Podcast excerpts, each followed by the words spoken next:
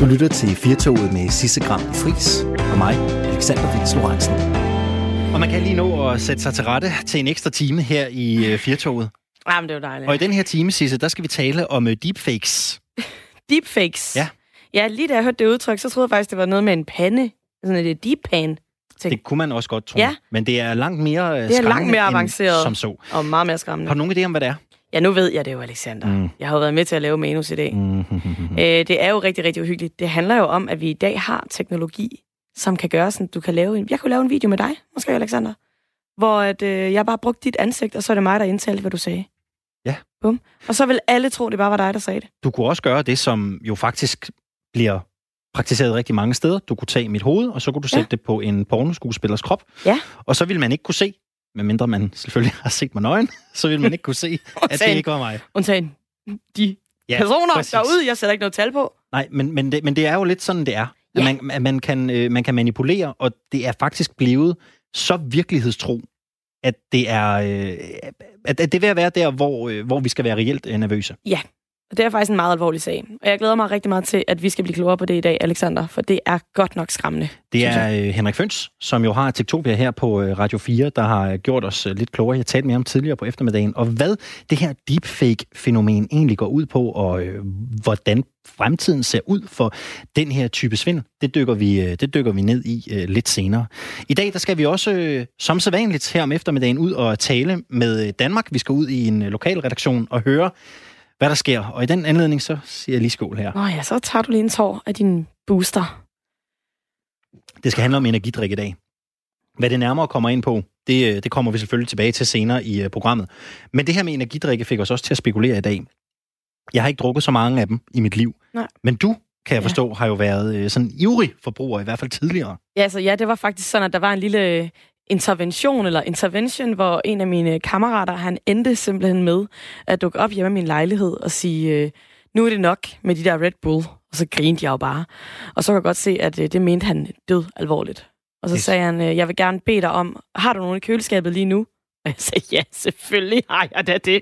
Ja, gider du at tage dem ud og åbne dem og hælde dem ud i vasken? Nej, Det var, det var for voldsomt. Så jeg har faktisk rigtig, rigtig meget respekt for det, og har ikke rørt det siden overhovedet. Jeg har ikke været i nærheden af en energidrik siden dengang. det var er simpelthen, der kommer to-tre simpelthen år en siden ven hjem til dig Ja, og og siger, sagde- nu er det koldt tyrk at sige. Sidste, jeg har tænkt så meget på det, og han havde hørt om det nogle gange, når jeg lavede podcast, så skulle, skulle jeg også lige have en Red Buller. Jeg var jo også meget selvironisk omkring, jeg underholdt jo også med det. Det var meget sjovt. Jeg kunne også finde på at sige det, når jeg gik på scenen, og jeg har fået min Red Bull, så jeg er klar. Og sådan. Så dem, der var tæt på mig, vidste godt, at det ikke bare var sjovt, men jeg virkelig drak mange af de der Red Bulls. En øh, bieffekt var jo så også, at jeg tabte mig helt vildt. Fordi det er jo Okay. altså også fuld af sukker og snask, og jeg ved ikke hvad. Mm-hmm. Ja. Så øh, det var egentlig også meget fedt. Men siden dengang, så har jeg så undgået dem selv, de der vodka Red Bull, som man bliver tilbudt på Roskilde Festival. Var jeg lige ved at sige ja tak til, indtil det slog mig. Den duft der skal jeg ikke have op i min næsebor. Mm. Mm-hmm, mm-hmm. Vi har jo sat os for her på redaktionen lige at teste af. Øh, Vi skal også høre fra en læge lidt senere i eftermiddag. Men øh, hvad, hvad det egentlig sådan egentlig betyder, hvis man lige tager et døgn øh, på dem her, og derfor, det er derfor, jeg sidder og, og nipper lidt til det her i studiet, hvor andre måske vil have valgt kaffe. Så drikker jeg øh, energidrik, så ser vi, hvordan øh, jeg har det. Øh, så ser vi, øh, hvordan jeg har det senere. Men øh, Sisse, i dag der taler vi jo også om undskyldninger. Undskyldninger. Jeg synes, det er vigtigt for mennesker, at vi ligesom kan indse, når vi tager fejl, og vi tør sige undskyld. Og tit synes jeg faktisk, at jeg får rigtig meget respekt for, hvis en, en person kommer op til mig og siger undskyld for noget. Så øh, det kunne være dejligt at gøre det sådan øh, lidt mere øh, tilgængeligt, lidt mere almindeligt. Og øh, du, kære lytter, du kan jo hjælpe os med at sætte gang i, i den her debat. Skriv gerne en sms ind til os. Vi har jo simpelthen fået nogle fuldstændig vidunderlige sms'er i dag. Altså, de overgår alle mine forventninger, de sms'er, vi har fået. Mm, De er rigtig, rigtig gode. Ej, hvor er de gode. Tusind tak. Bliv endelig ved med at sende jeres uh, små historier ind. Hvem vil du gerne sige undskyld til? Hvad vil du gerne sige undskyld for? Vi skal nok holde dig fuldstændig anonym herinde. Du skriver R4 mellemrum, og så din anekdote, og sender den til 1424. Og øh, det kan jo være svært at give en øh, undskyldning. Jeg tror i hvert fald, at vi alle har prøvet at stå i en situation, hvor man øh, godt har været klar over, at en undskyldning havde været på øh, sin plads. Men det måske har været svært at få den over læberne. Vi talte i hvert fald om det lidt øh, tidligere, øh, Sisse. Men vi skal være gode mod hinanden, det mener vi her på øh, Firtoget, og øh, derfor så har vi altså også åbnet telefonerne. 72 30 44 44. Hvis man ikke har lyst til at være anonym og simpelthen ringe og give sin øh, undskyldning i telefonen. Og mangler I lidt inspiration til, hvordan en undskyldning skal serveres, så kan den måske komme her. Fordi hvordan skruer man egentlig en øh, god undskyldning sammen? Først og fremmest velkommen til dig, Nikolaj Ottosen Støt. Tak skal du have. Du er partner og chefrådgiver i øh, retorikfirmaet. Og også velkommen til dig, ja. Lisa Villersen.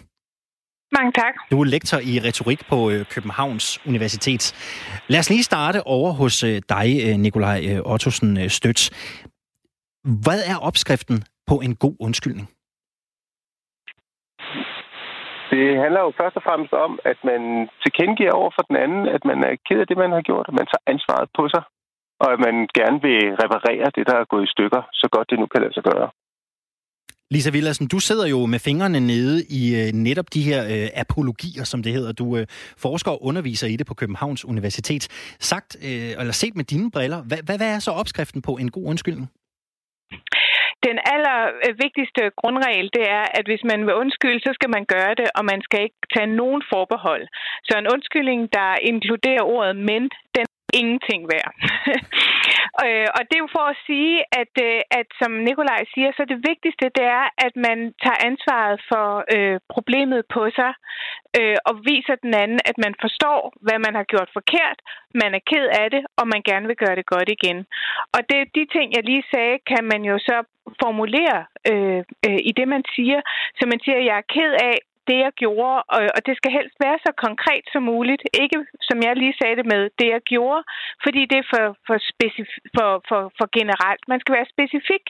Så skal man sige, hvorfor man er ked af det, og så skal man sige, hvordan man gerne vil forsøge at, at klinke skårene.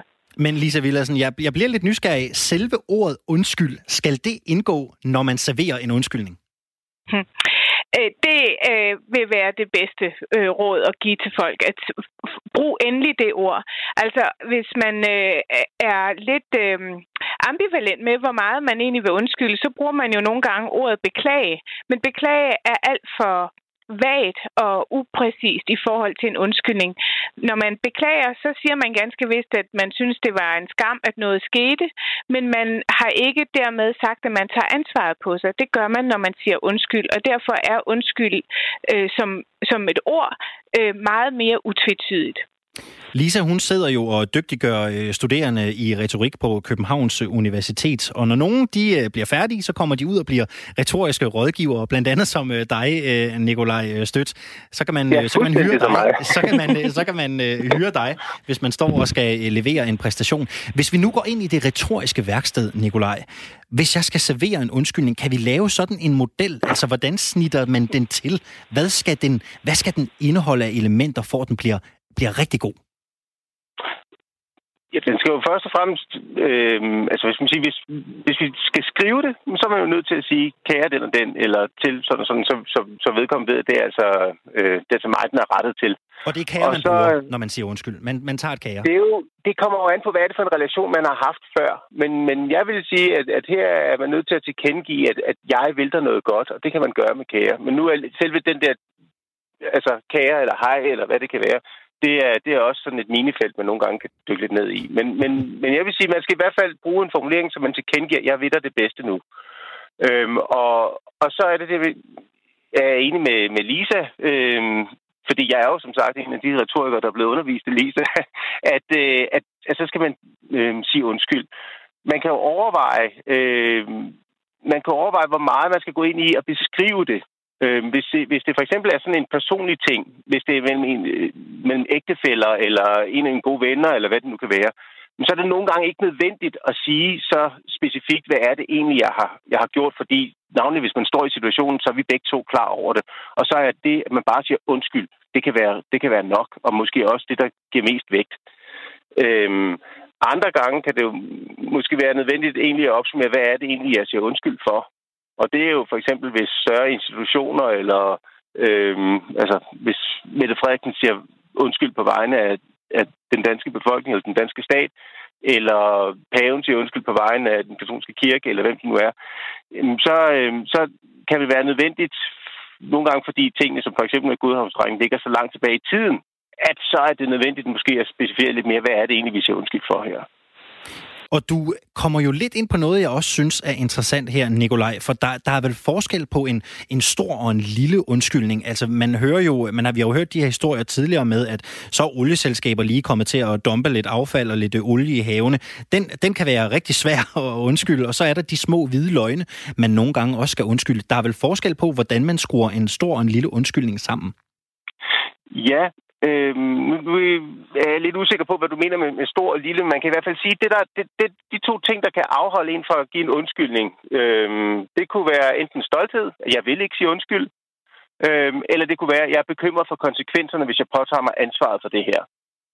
Øh, og det, det er jo måske det, som, som, som ligger, det ligger måske i forlængelse med det, Lisa sagde, at øh, når man beklager noget, så er det fordi, man vil gerne tilkendegive, det var ikke, at det synes man godt nok ikke var heldigt det her, men jeg vil helst ikke påtage mig et eller andet økonomisk efterspil af ansvaret for, for et erstatningskrav eller sådan noget.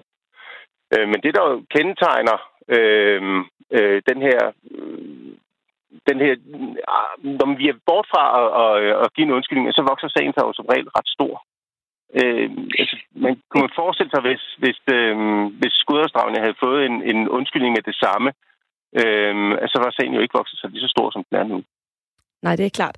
Øh, Lisa mm. Villersen, må jeg spørge dig, når man så skal lave en undskyldning, for der findes jo mange kategorier, som Alexander også er inde på. Der er, der er jo lige fra den sarkastiske til den sorry, man skubbede ind i køen, og til den helt store undskyldning. Hvilke appelformer skal man spille på her? Altså, jeg kunne forestille mig, at patos var vigtigt. øh, ja, jeg tror, jeg tror øh, som i al god retorik skal man øh, ikke øh, satse bare på en appelform, men, øh, men have dem alle sammen med, fordi øh, det, man kan sige, grundvilkåret for en god undskyldning, det er jo, at den er troværdig, og det vil sige, at ethos, øh, talerens troværdighed, er fuldstændig øh, central. At det her noget, øh, vedkommende mener? Øh, at kommer det fra hjertet, og det er der forskellige måder at signalere på, alt efter hvad det er for en, en situation, vi taler. Øhm, og så er det jo klart, at øh, øh, patos, som du siger, spiller ind i forhold til at og, og, øhm, at ramme de følelser, det går ud på, og måske især, hvor ked af det man selv er over, at man har trådt i spinaten.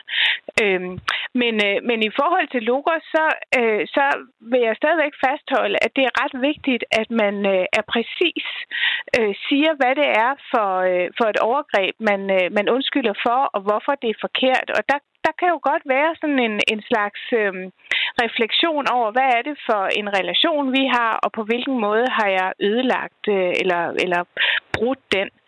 Øh, så, så det skulle gerne være et, et helt støbt øh, udsagn, man kommer med. Nu skal I høre... Men jeg hvis kunne... jeg lige måtte... Ja. ja nej, kan endelig fortsætte endelig.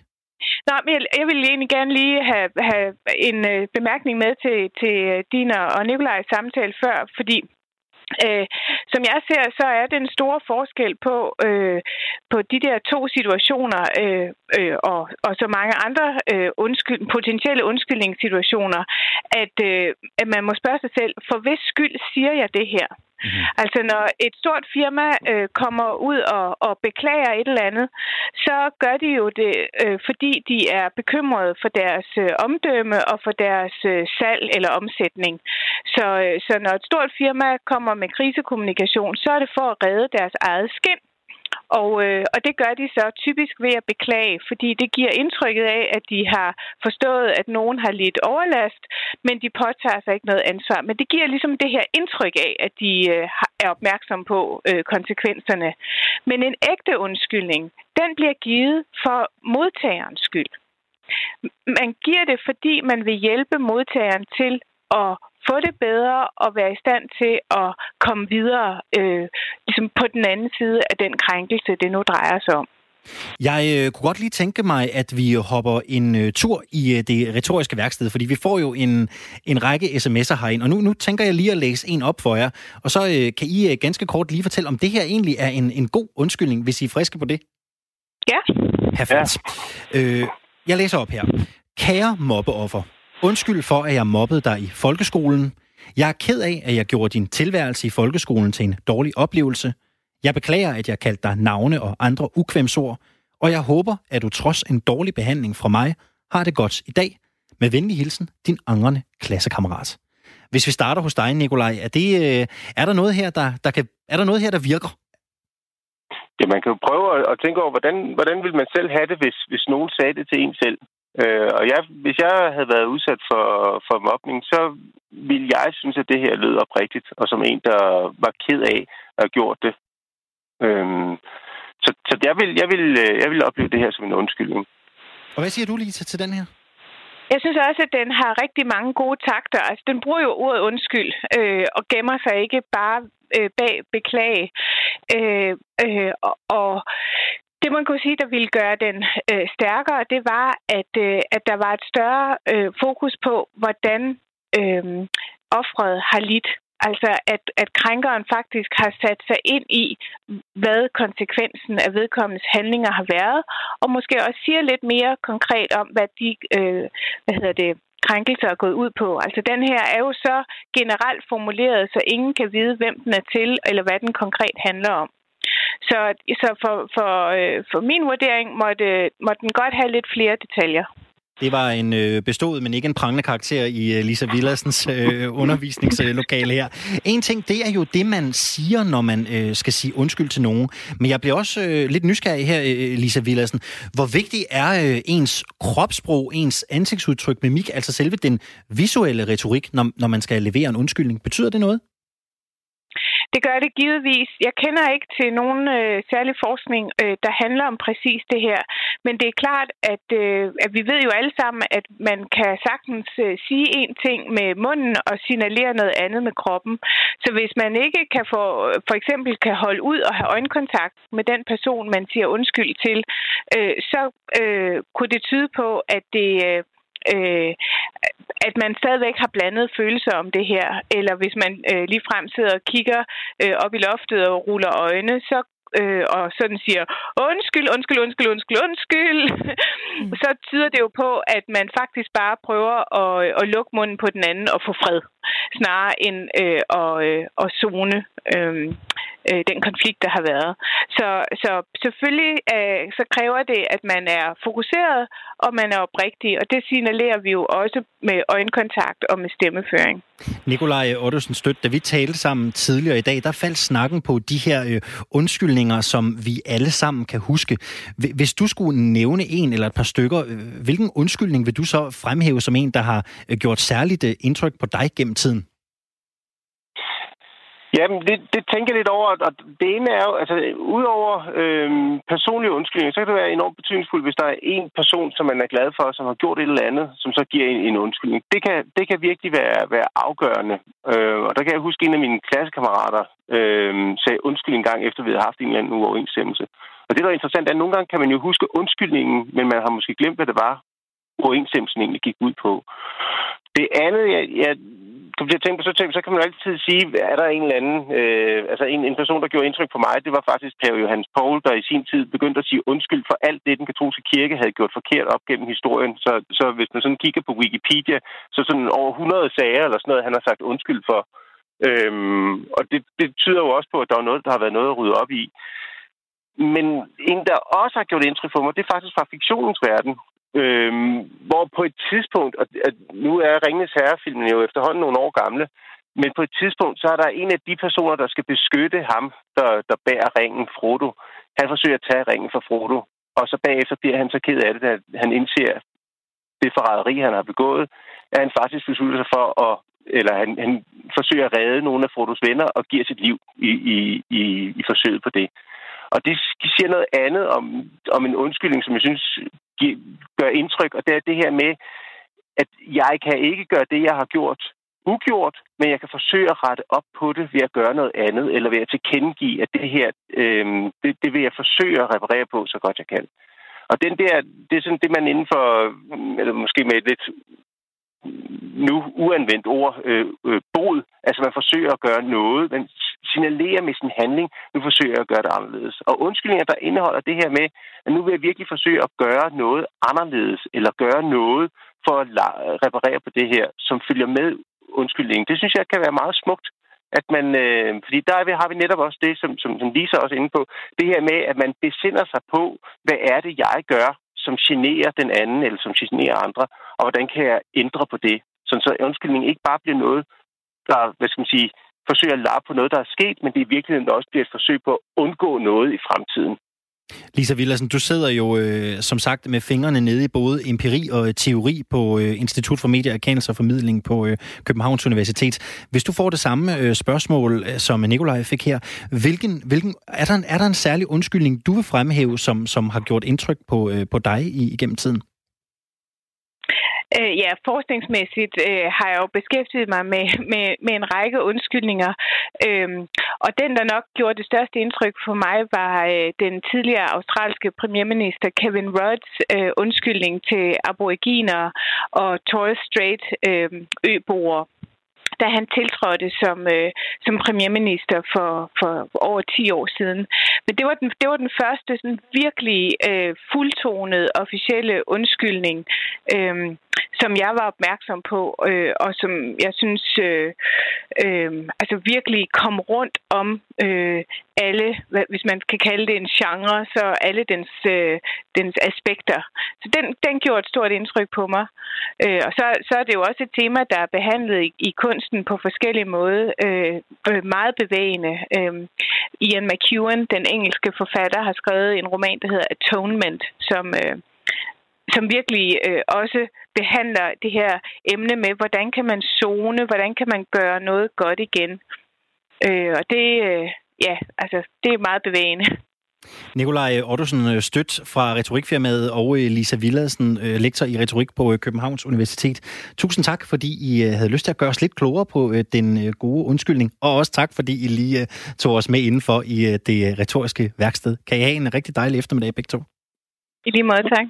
Og øh, Sisse, så skal vi jo øh, præcisere i sidste time, der, øh, der lavede vi jo en øh, undskyldning til øh, Kina oven på, øh, oven på den tegning, som øh, Jyllandsposten har bragt, hvor de har øh, tegnet øh, denne her øh, virus på øh, det kinesiske flag. Vi lavede den på dansk, og vi lavede den på øh, kinesisk.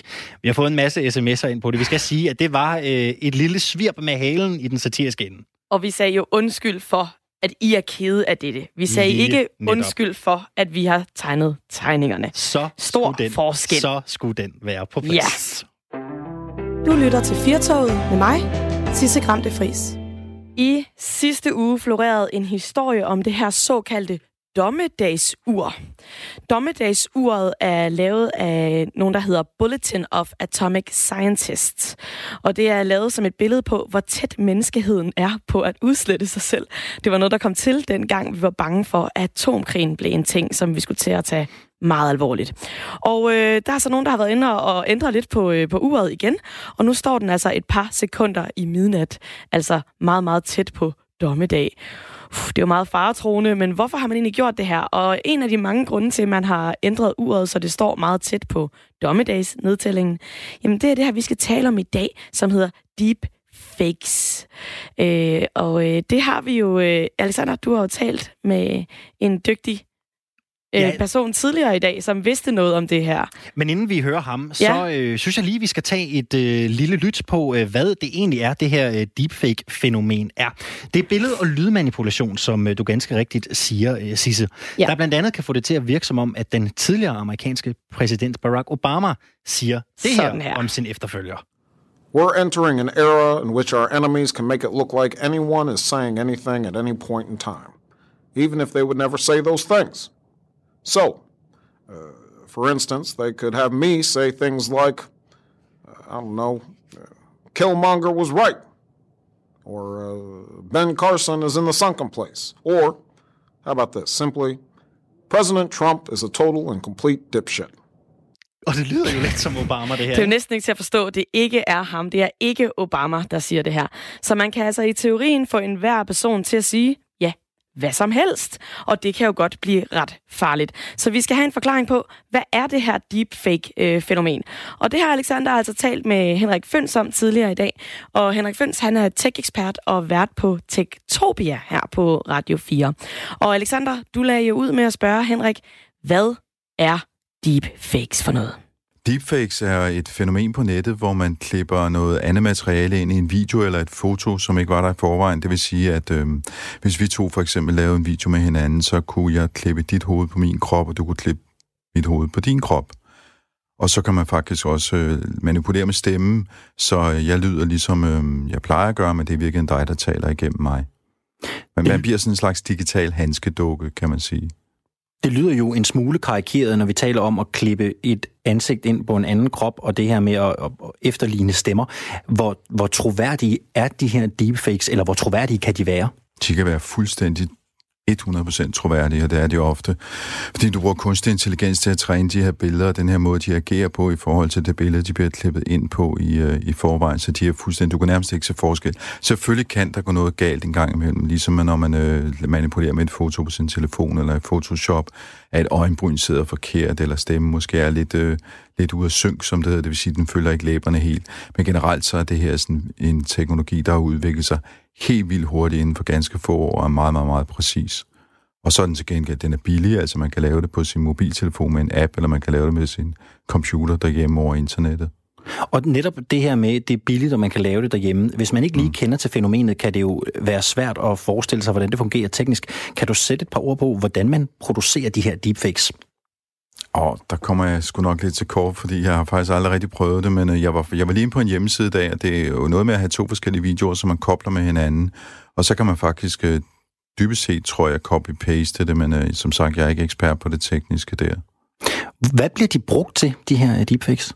Jamen altså, de bliver jo fortrinsvis brugt til porno. Man tager en kendt skuespillerinde, og så putter man hende ind i en uh, pornoscene. Og man skal bare klikke en gang. Jeg gjorde det her til formiddag. Jeg havde faktisk aldrig kigget på sådan nogen før. Det er der sikkert nogen, der ikke tror på, men det havde jeg faktisk ikke. Så jeg søgte på deepfake porno, og så kom der bare alle mulige kendte filmskuespillerinde, som hvis, hvis ansigt var blevet placeret på en, en krop i en porno-situation. Og det tror jeg er øh, op mod 98 procent af de deepfakes, der findes derude, det er den type. Så er der den anden type, det er dem, hvor man øh, tager øh, politiske modstandere, eller bare folk, man gerne vil gøre grin med, og får dem til at holde en tale, hvor de siger noget andet. Der har været en med Obama, hvor han siger grimme ting om, om Trump. Så har der været en med Nancy Pelosi, øh, den amerikanske politiker, der er formand for repræsentanternes hus for demokraterne. Øh, det var sådan lidt, øh, lidt anderledes, fordi der har man sådan set ikke manipuleret med hendes billede, men man, man har manipuleret med hendes stemme, og så har man kørt den ned i tempo, hun er jo en ældre dame, øh, og så har man så ligesom sat, øh, hvad hedder det, tonehøjden op på hendes stemme, så den lød naturligt, men bare langsommere, og derfor så kommer hun til at fremstå sådan lidt, øh, lidt vaklende, eller sådan meget gammel, øh, som om hun øh, var på medicin, eller ikke rigtig vidste, hvad hun skulle sige. Så det jo også en måde at gøre det på. Det er jo øh, lidt interessant, når du siger det her med, at, at du har været inde og klikke på det i formiddag, så du har set en hel del. Det lyder som noget, som er, er meget udbredt, eller i hvert fald er på vej frem. Det er det helt afgjort. Altså, antallet af de her deepfakes er fordoblet på bare øh, to år. Så der er rigtig mange af dem derude. De er jo som sagt relativt nemme at lave. Der er jo nogen, der mener, at de er, at de er skadelige. Kan du sætte et par ord på, hvorfor de kan være farlige? De kan være farlige, fordi det er jo en del af hele det her fake news-begreb. Ikke? Så hvis du får en politisk modstander til at sige noget, som vedkommende ikke har sagt, eller klipper vedkommende ind i en pornofilm, eller hvad du nu finder på at gøre, så kan det jo bruges mod vedkommende i en, øh, i en valgkamp for eksempel, eller, eller hvis du vil sætte nogen ud af spillet, eller hvis du vil franare nogen nogle penge, eller et eller andet. Ikke? Fordi det øjeblik, du ikke kan stole på de billeder, du ser mere, ja, så er du i stand til at manipulere med rigtig mange ting. Men Henrik Føns, har der været eksempler på, hvor øh, de her øh, deepfakes faktisk er blevet opfattet som sande? Se, nu er det jeg tøver, fordi det har der jo muligvis nok. Mm. Kun lige, hvis du kendte nogen på øh, stående fod. Jamen, jeg er nemlig lidt i tvivl om det der Obama-tilfælde, om det i virkeligheden ikke var en, de lavede for at vise, hvad man kunne lave. Mm. Mm. Jeg tror muligvis, at den med Nancy Pelosi der, den har været opfattet som, øh, som, som ægte, men øh, så gik øh, et amerikansk medie ind og dobbelttjekkede den, og så fandt de faktisk ud af, at den var blevet, øh, den var blevet manipuleret med, fordi de havde den ægte optagelse, og så havde de den manipuleret. Der kunne man ligesom høre, at øh, hun talte ikke på den måde. Hun talte faktisk ikke langsomt. Hun talte helt naturligt. Hvordan kan man opdage de her deepfakes? Altså, der kan jo være fejl i, men, øh, men, øh, men de er faktisk ret svære at opdage. For det første, så kan de være svære at finde, fordi de kan florere i lukkede forer på nettet, hvor man normalt ikke kommer, og man skal vide lige nok til, hvad man leder efter for at finde den, ikke? Øh, og den anden ting er så, at øh, der er nogen, der faktisk har udviklet teknologier til at finde ud af, når man endelig har fundet videoen, så kan man så gå ind og analysere den. Jeg mødte et øh, hollandsk firma, der hedder Deep Trace her i sidste uge faktisk, og de har lavet en teknologi, så de kan gå ind og, og analysere videoen. Og det, de gør, de går ind og kigger på de enkelte pixels, altså de helt små punkter i videoen, og siger, jamen altså, der er jo noget her, der stammer fra et andet kamera end resten af videoen. Og så kan de se, at det er noget, der er klippet ind og forfalsket. Men det kræver, at man også bruger øh, kunstig intelligens og algoritmer for at kunne analysere videoen på den måde. Nu er det her jo noget, der øh, kan blive øh, springfarligt. Det, det er i hvert fald noget, hvis man ser på nogle af de deepfakes, der er blevet produceret, så, så er man ikke i tvivl om, at det har potentiale til, potentiale, undskyld, til at kunne skade nogen, og det er noget, der sagtens skal blive opfattet som, som ægte. Hvad bliver det næste, vi, øh, vi kommer til at se, hvis der er noget, der kommer til at, at mime det her? Altså, det næste, det næste er faktisk ret skræmmende. Det var øh, ham fra Deep Trace, der fortalte mig om det. Han siger, at inden for det næste år eller to anslog han, at der vil man kunne gøre det her på live-videoer. Fordi før har man kun kunne gøre det på optagelser, som er lavet forvejen. Men øh, forestil dig nu, at vi to vi var på video med hinanden. Det kunne være FaceTime eller Skype. Så kan man faktisk øh, fake den også sådan, at øh, jeg måske slet ikke er mig, men en anden en, at jeg er handskedukke, digital handskedukke for en anden, som prøver at øh, overbevise dig om, at du skal overføre 500 eller 5.000 kroner til mig, eller, eller jeg bare fylder dig med løgn. Så det vil sige, at man kan faktisk komme til at lave det live, man kan fake folk live, og det er jo virkelig skræmmende, fordi i det tilfælde, så, så, så altså det, det ødelægger jo al den kommunikation, vi har i hvert fald på, på, på video, og formodentlig også på lyd, fordi man kan også fake lyden. Øh, så det begynder at blive ret svært at finde ud af, hvem det egentlig er, man kommunikerer med, når man kommunikerer med dem digitalt. Og det synes jeg i hvert fald øh, trækker tæppet lidt væk under mange af de her teknologier, fordi vi skal jo faktisk tilbage til at møde sådan ansigt til ansigt, for at være helt sikker på, at den person, vi kommunikerer med, faktisk er den person, vi kommunikerer med. Det lyder jo også lidt som om, at øh, særligt øh, hele den her forståelse omkring kildekritik er noget, vi, øh, vi kommer til at have nogle helt nye etiske øh, diskussioner om i fremtiden, hvis, hvis det her kan gå hen og blive ægte. Altså man kan jo sige, at den teknologi, som Deep Trace, det hollandske selskab, laver, den bliver måske mere udbredt og også lige så billig at bruge, som at lave en deepfake.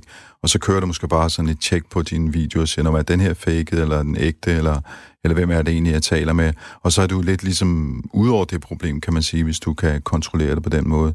Men uh, det er jo ikke sikkert, det bliver sådan, at det er jo et, et ekstra lag, du skal putte på, når du begynder at, øh, at beskæftige dig med kilder, og hvis du er journalist, eller hvis du er akademiker, forsker osv.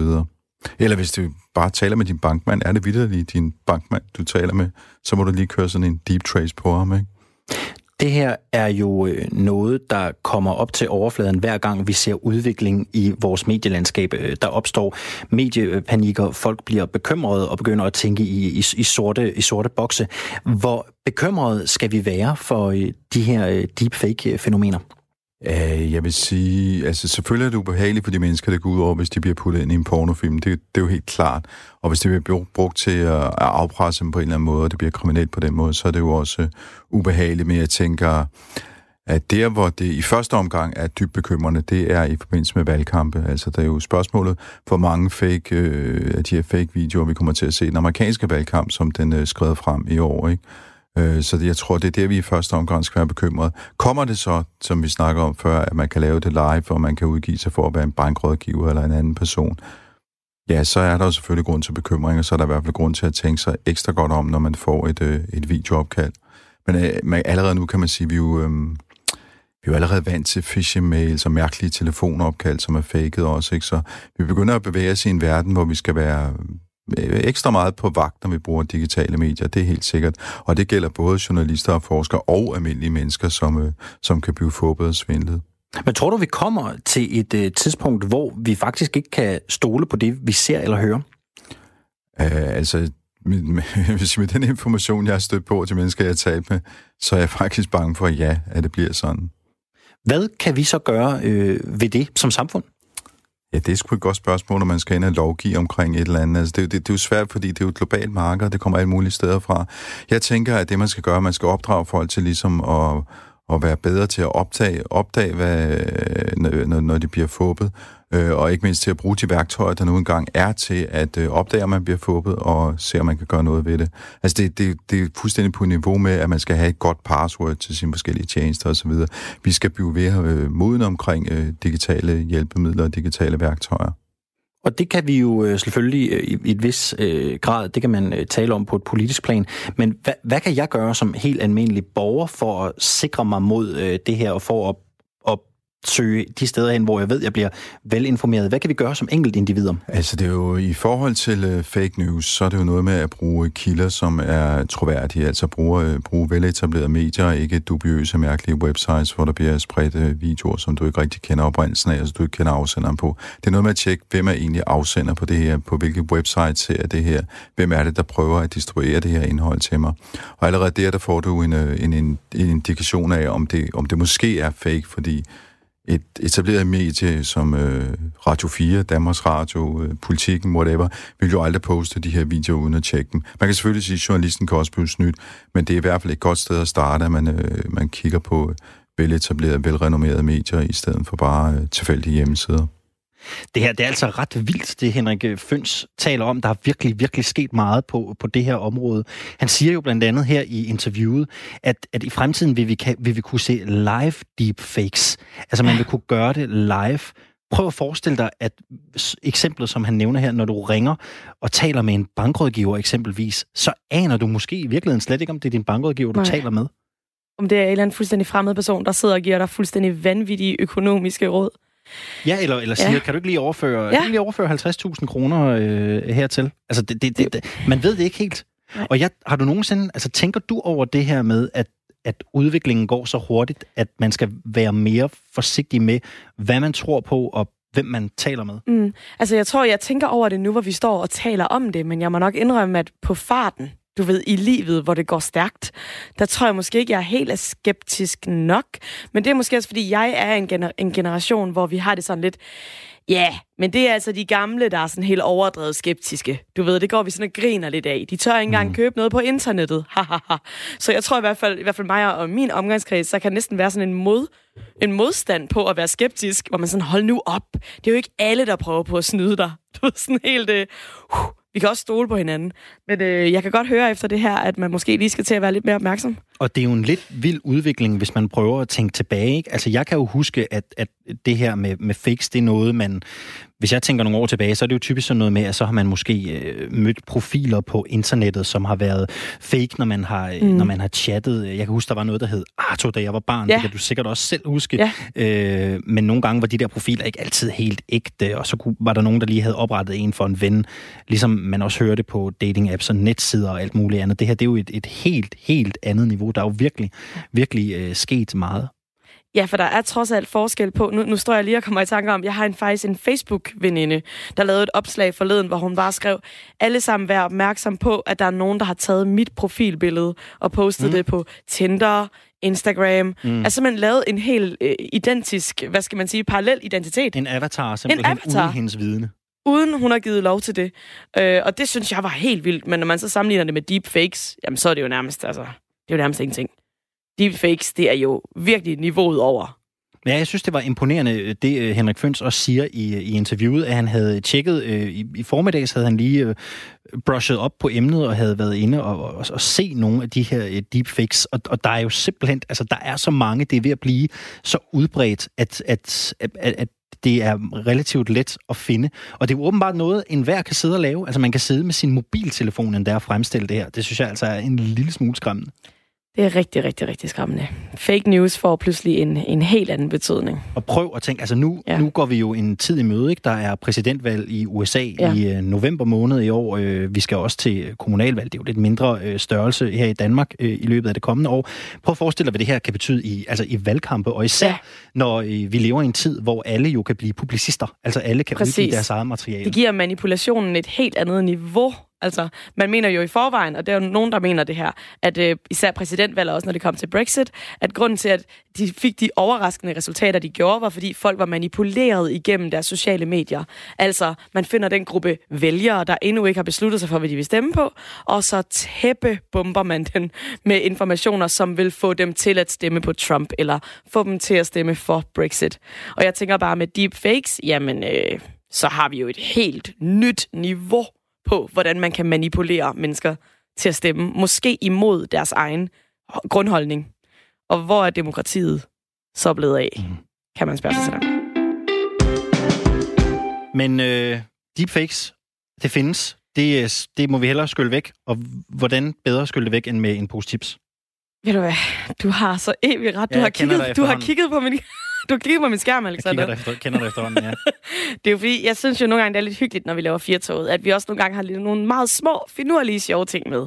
Så det hele ikke bliver så alvorligt. Og øh, i dag, så faldt jeg bare over en fuldstændig vidunderlig artikel, som jeg tror, du vil blive så glad for at se. Ja. Det, det er lidt spøjst. I Odense er der åbnet øh, Danmarks første chips outlet butik. Ej, hold nu op.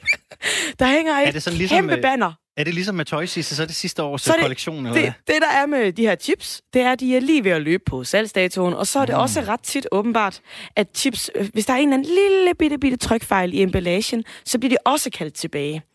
Så det er faktisk øh, Kims Chips, der øh, tager Kim Munk, som er direktør for Kims Chips, som simpelthen tager sagen i egen hånd og siger, okay, det skal være slut med alt det her madspil. Jeg må gøre mit. Hvad kan jeg gøre? Well, mm. jeg kan lave et chips outlet i Odense. Altså, det lyder som Slaraffenland, synes altså, jeg, jeg umiddelbart. Jeg godt uh, lægge beslag på ostepopsene. Jamen, den ved jeg, du vil med. det, den ved jeg, du vil med. Du skal lige huske at have en lille fugtig klud liggende ved siden af, Alexander. Fordi du skal lige tørre de der fingerspidser af, for det er ud over det hele. Men, øh, men jeg synes bare, det var en meget sød historie. Og så, så skriver øh, avisen også, at øh, Kims øh, forfrontperson, Jørgen, mm, ved karakteren ja. Jørgen, han har selvfølgelig været ude og klippe chipsbåndet over da de åbnede. Naturligvis. Der var lidt public service, at man kan fare til Odense, hvis man er lidt chips-sulten. Hver dag der kaster vi øh, vores blik ud over det øh, danske land og øh, dykker ned i nogle af de gode historier, der gemmer sig i det lokale journalistiske land. I går der var vi på Bornholm hos Kim Bjelstrand og hørte lidt om en sag mellem den tidligere Kirkeby Kommune og Arbejdsmarkedets Feriefond om et lån til 50 millioner kroner. I dag der skal vi en tur til Horsens egnen, eller nærmere præcis Daggård, hvor en købmand i den grad har sat dagsordenen. Historien er spottet af Pernille Leftes. God eftermiddag og velkommen til dig. God eftermiddag. Du dækker øh, netop Horsens området for øh, TV Syd. Allerførst, øh, Pernille Leftes, øh, nu har vi jo kredset lidt omkring det i dag, og jeg står og drikker energidrik her i øh, studiet. Hvad er det, øh, købmanden Allan Bylov i Daggård, han har besluttet sig for? Jamen, øh, købmanden i Bylov, eller i Daggård, han har simpelthen besluttet sig for, at han ikke længere vil sælge energidrikke til unge børn under 16 år. Så han har simpelthen besluttet sig for at lave sin egen aldersgrænse, selvom der ikke er et forbud mod at, øh, at sælge de her energidrikke til folk, der er under 16 år.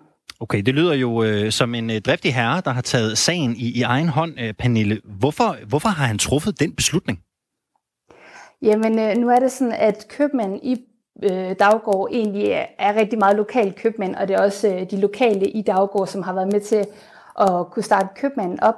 Øhm, og der har simpelthen været en, nogle bekymrede forældre, der har henvendt sig til ham og sagt, at, øh, at de var ikke så glade for, at deres børn og unge havde mulighed for at gå op i købmanden efter skoletid og, og kunne købe de her energidrikke.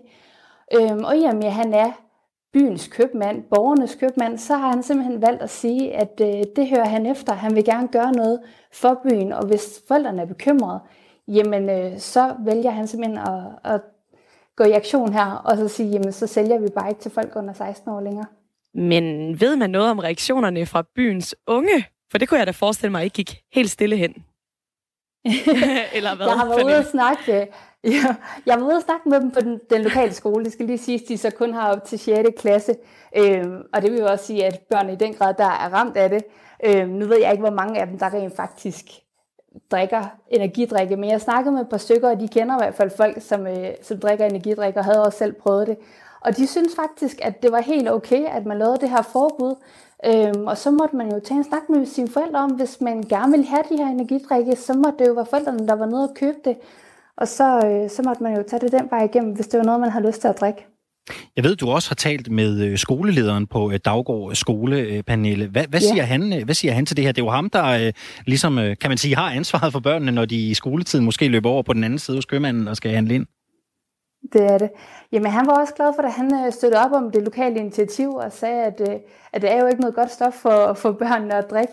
Så han synes, det var et rigtig godt initiativ også, som, som købmand var kommet med, og det støttede han fuldt op om. Nu har der jo været rigtig meget snak om de her energidrikke, og det er jo ikke, det er jo ikke noget, der er, der er helt nyt.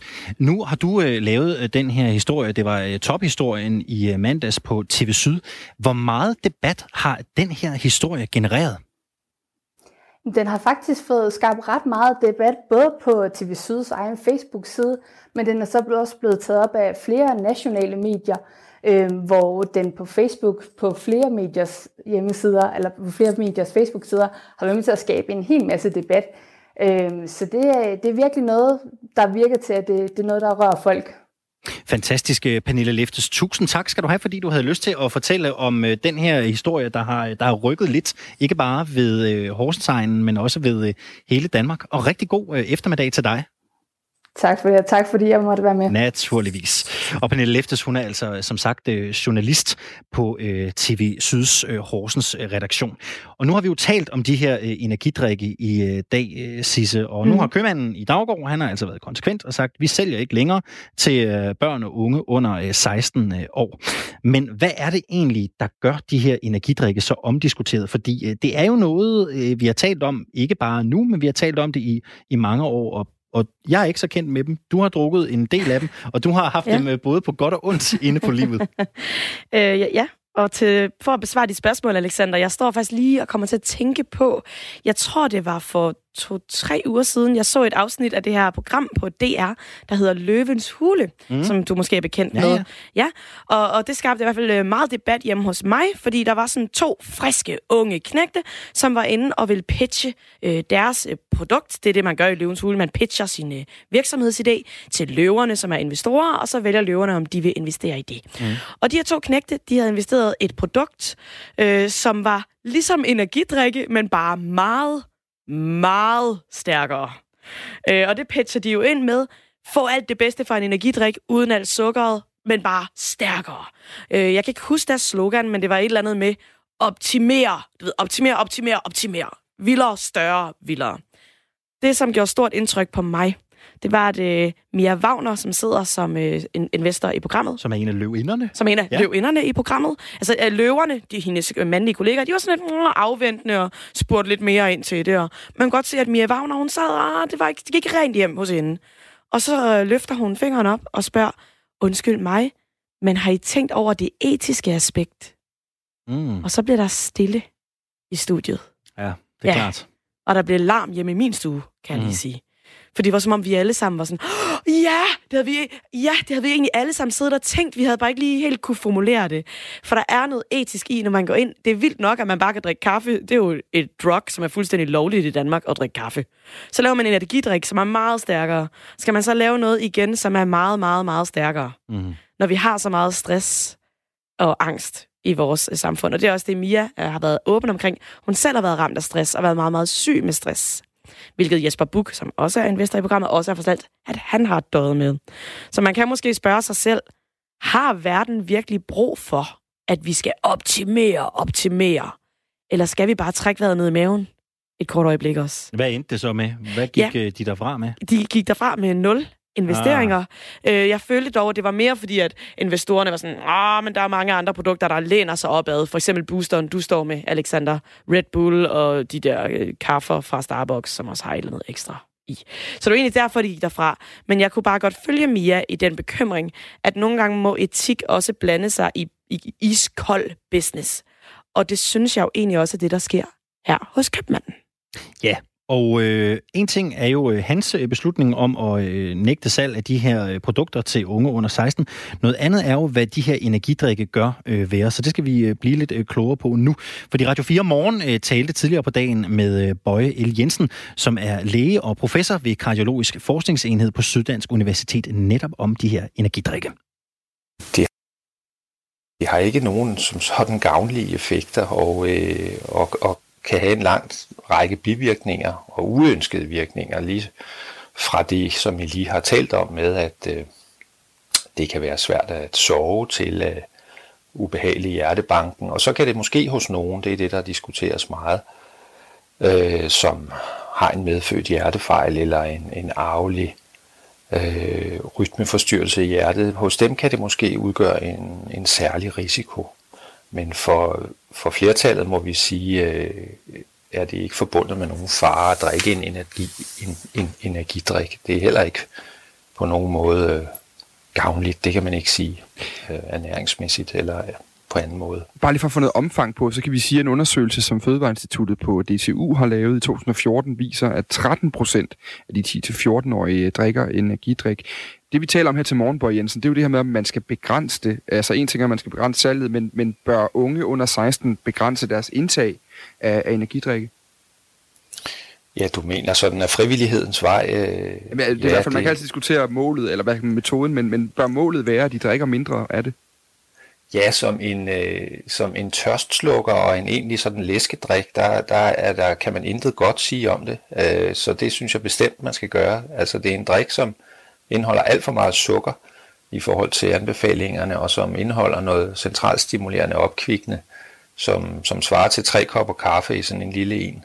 Øh, og det synes jeg ikke, der er nogen grund til, at 10 og 12-årige børn øh, skal drikke. Det kan da godt være en gymnasieelev, der skal skrive studentereksamen inden så længe, kan have godt af at få en med til, øh, til matematikeksamen, men, øh, men, men som et dagligt behov og til at, at slukke ens tørst efter fodboldtræning, der er det meningsløst og måske skadeligt. Så så at, giver det mening at prøve at begrænse salget til børn og unge? Eller er det, du siger, at, at det handler om, at man som barn og ung ved, at man måske kan være specielt udsat for det her, og ikke skal drikke energidrik?